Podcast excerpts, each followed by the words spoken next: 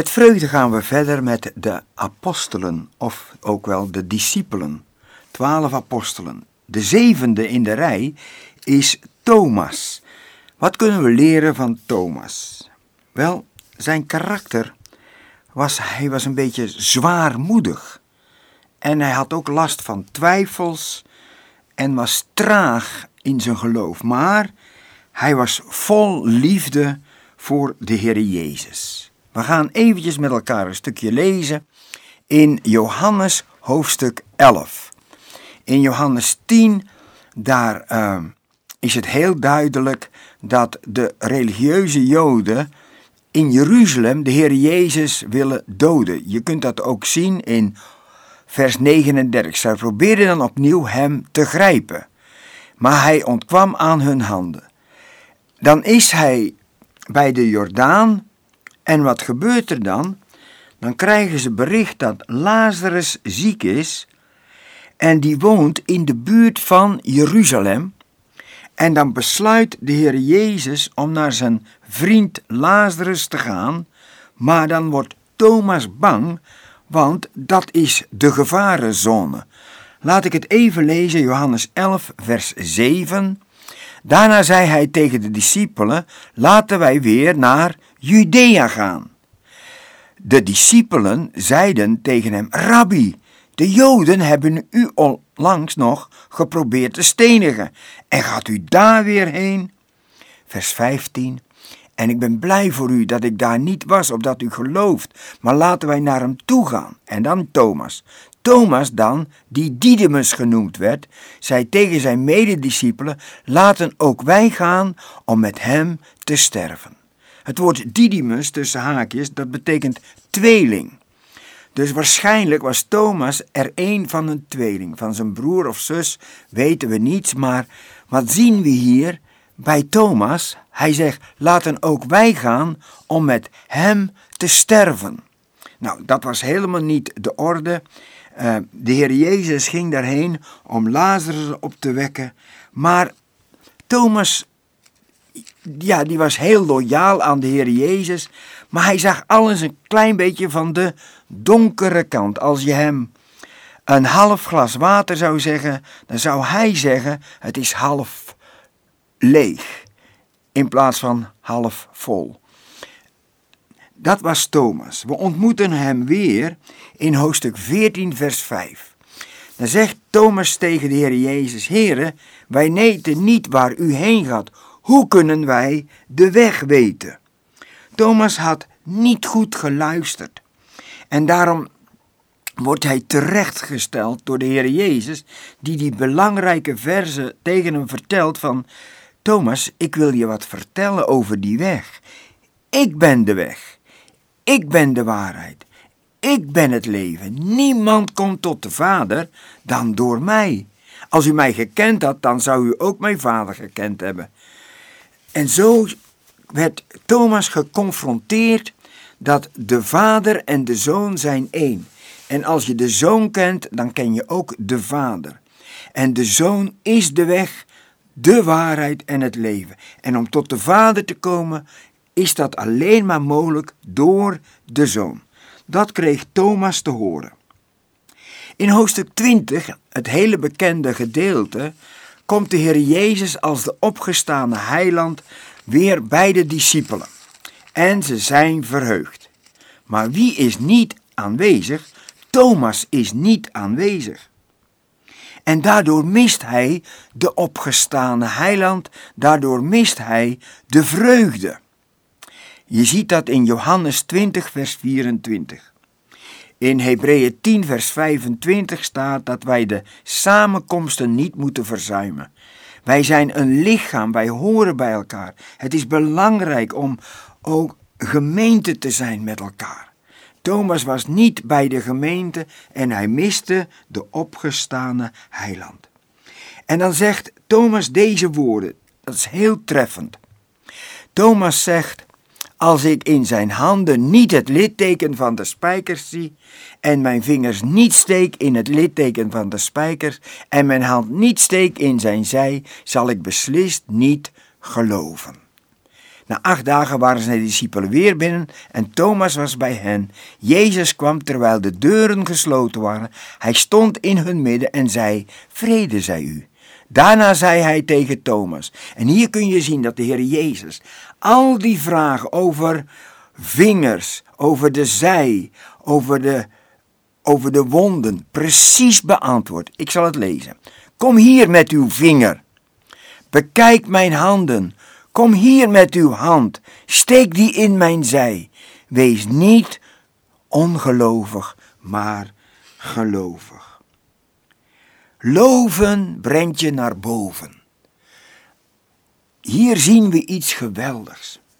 De Heer Jezus komt naar Thomas toe, beantwoordt die drie vragen over vingers, over zijn zij en over zijn handen. En er is een transformatie gaande bij Thomas. Van een ongelovige, twijfelende, zwartziende Thomas wordt hij een aanbidder. Loven brengt je naar boven. En wat zegt hij? Mijn Heere en mijn God. Ja, Petrus vertelt ons later: het is beter te geloven dan te zien. Wij zijn bevoorrecht, maar wij werden uitgenodigd om de Heer in zijn woord te geloven. Het zien komt wel, maar wij wandelen door het geloof. Uiteindelijk is gelukkig Thomas ook tot dit wonderbare geloof gekomen.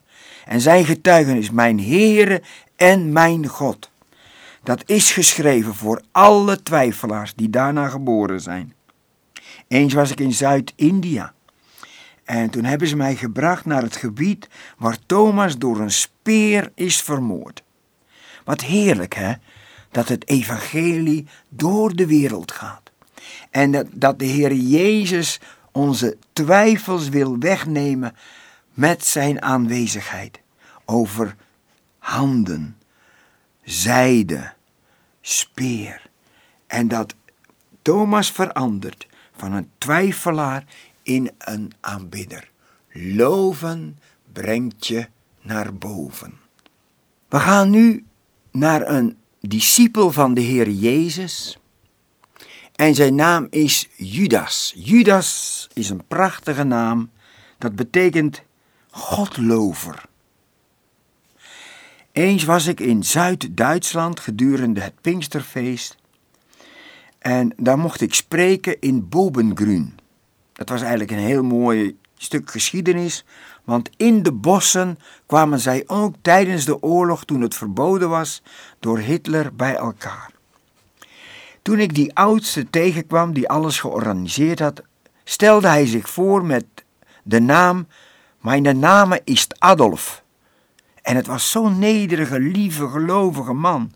Maar mijn gedachten gingen direct naar die andere Adolf. En toen dacht ik bij mezelf, ik moest gelijk aan die Hitler denken. Maar als ik naar deze man kijk, dan zie ik een totaal tegenovergesteld karakter als die andere Adolf. Nou, Juda, ik denk dat zijn ouders grote plannen hadden voor deze jongen en gehoopt hadden dat hij de Heere God zou prijzen, loven in zijn leven. Judas was de enige die niet uit Galilea kwam. Hij kwam uit Iskariot. In Jozua 15, vers 25, dan weten we dat dat ten zuiden van Jeruzalem is. In Lucas 6, vers 16 wordt Judas constant verrader genoemd. Hij is ook altijd als laatste genoemd. En de Heer Jezus' woorden zijn heel frappant.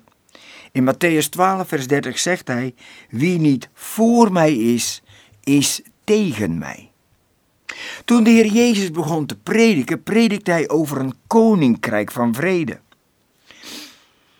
De discipelen dachten: Oh, maar dan word ik natuurlijk minister. En Judas zou wel gedacht hebben: dan word ik minister van Financiën. Want hij had de buidel, hij had het geld. Judas wordt door de Heer Jezus een duivel genoemd. Als de zon schijnt, dan wordt de boter zacht en de klei wordt hard.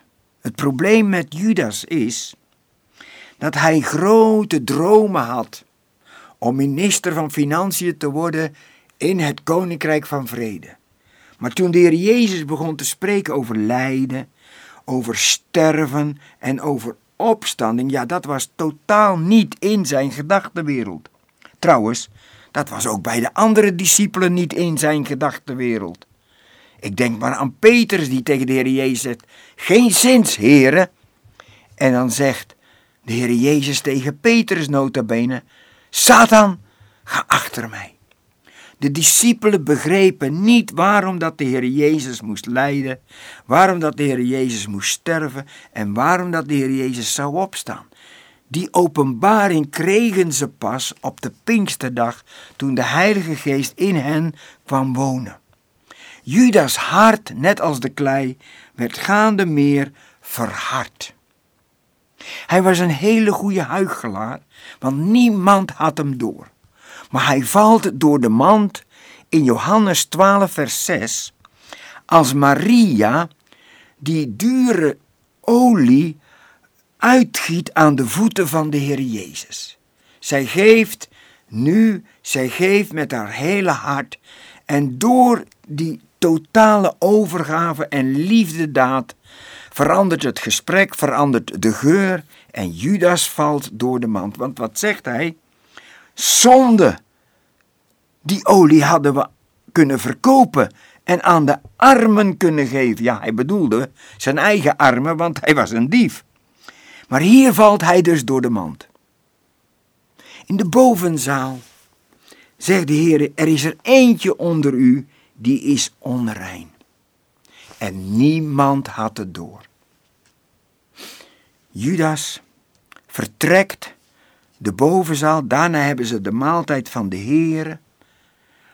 En Judas die gaat naar de hoge priester. Hij krijgt geld om de Heer Jezus te verraden. Hoe heeft hij de Heer Jezus verraden? Heeft hij de Heer Jezus verraden door hem een klap te geven?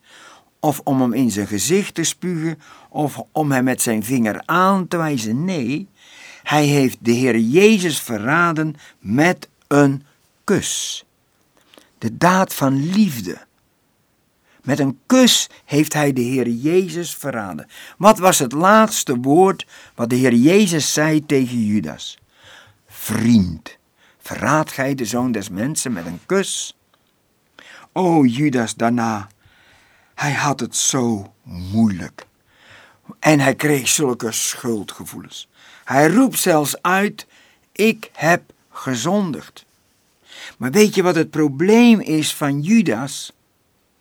Ook hij, net als Petrus, had vergeving kunnen ontvangen.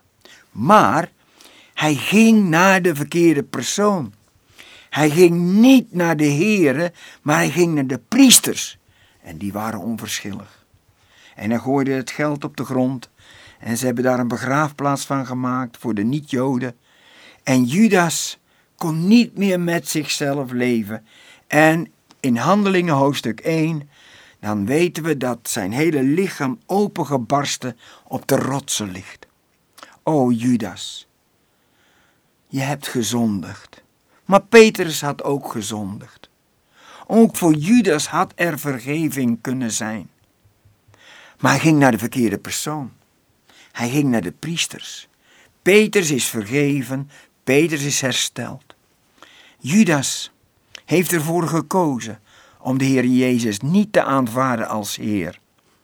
Hij heeft ervoor gekozen om te sterven in zijn zonden en daardoor ook de eeuwige gevolgen daarvan moet dragen. Je bent of voor Hem of je bent tegen Hem. Of je bent een kind van God of je bent een kind van de duivel. Of je gaat naar de hemel of je gaat naar de hel. Degene die daar het meest over gesproken heeft, is de bron van alle liefde, de Heer Jezus zelf. Een tragisch einde, een verdrietig einde. Maar de schuld lag niet bij de Heer Jezus, want hij heeft hem drie jaar precies hetzelfde behandeld als alle andere discipelen. Maar Judas koos ervoor om de Heer Jezus af te wijzen. Judas koos ervoor om de Heer Jezus te verloochenen. Judas koos ervoor om zijn eigen leven in zijn eigen handen te nemen. Judas koos ervoor om de Heer Jezus nooit Heere te noemen. En hij leeft tot nu toe met de eeuwige gevolg. O lieve luisteraar, neem de Heere Jezus aan. Geloof in Hem en geniet van het eeuwige leven.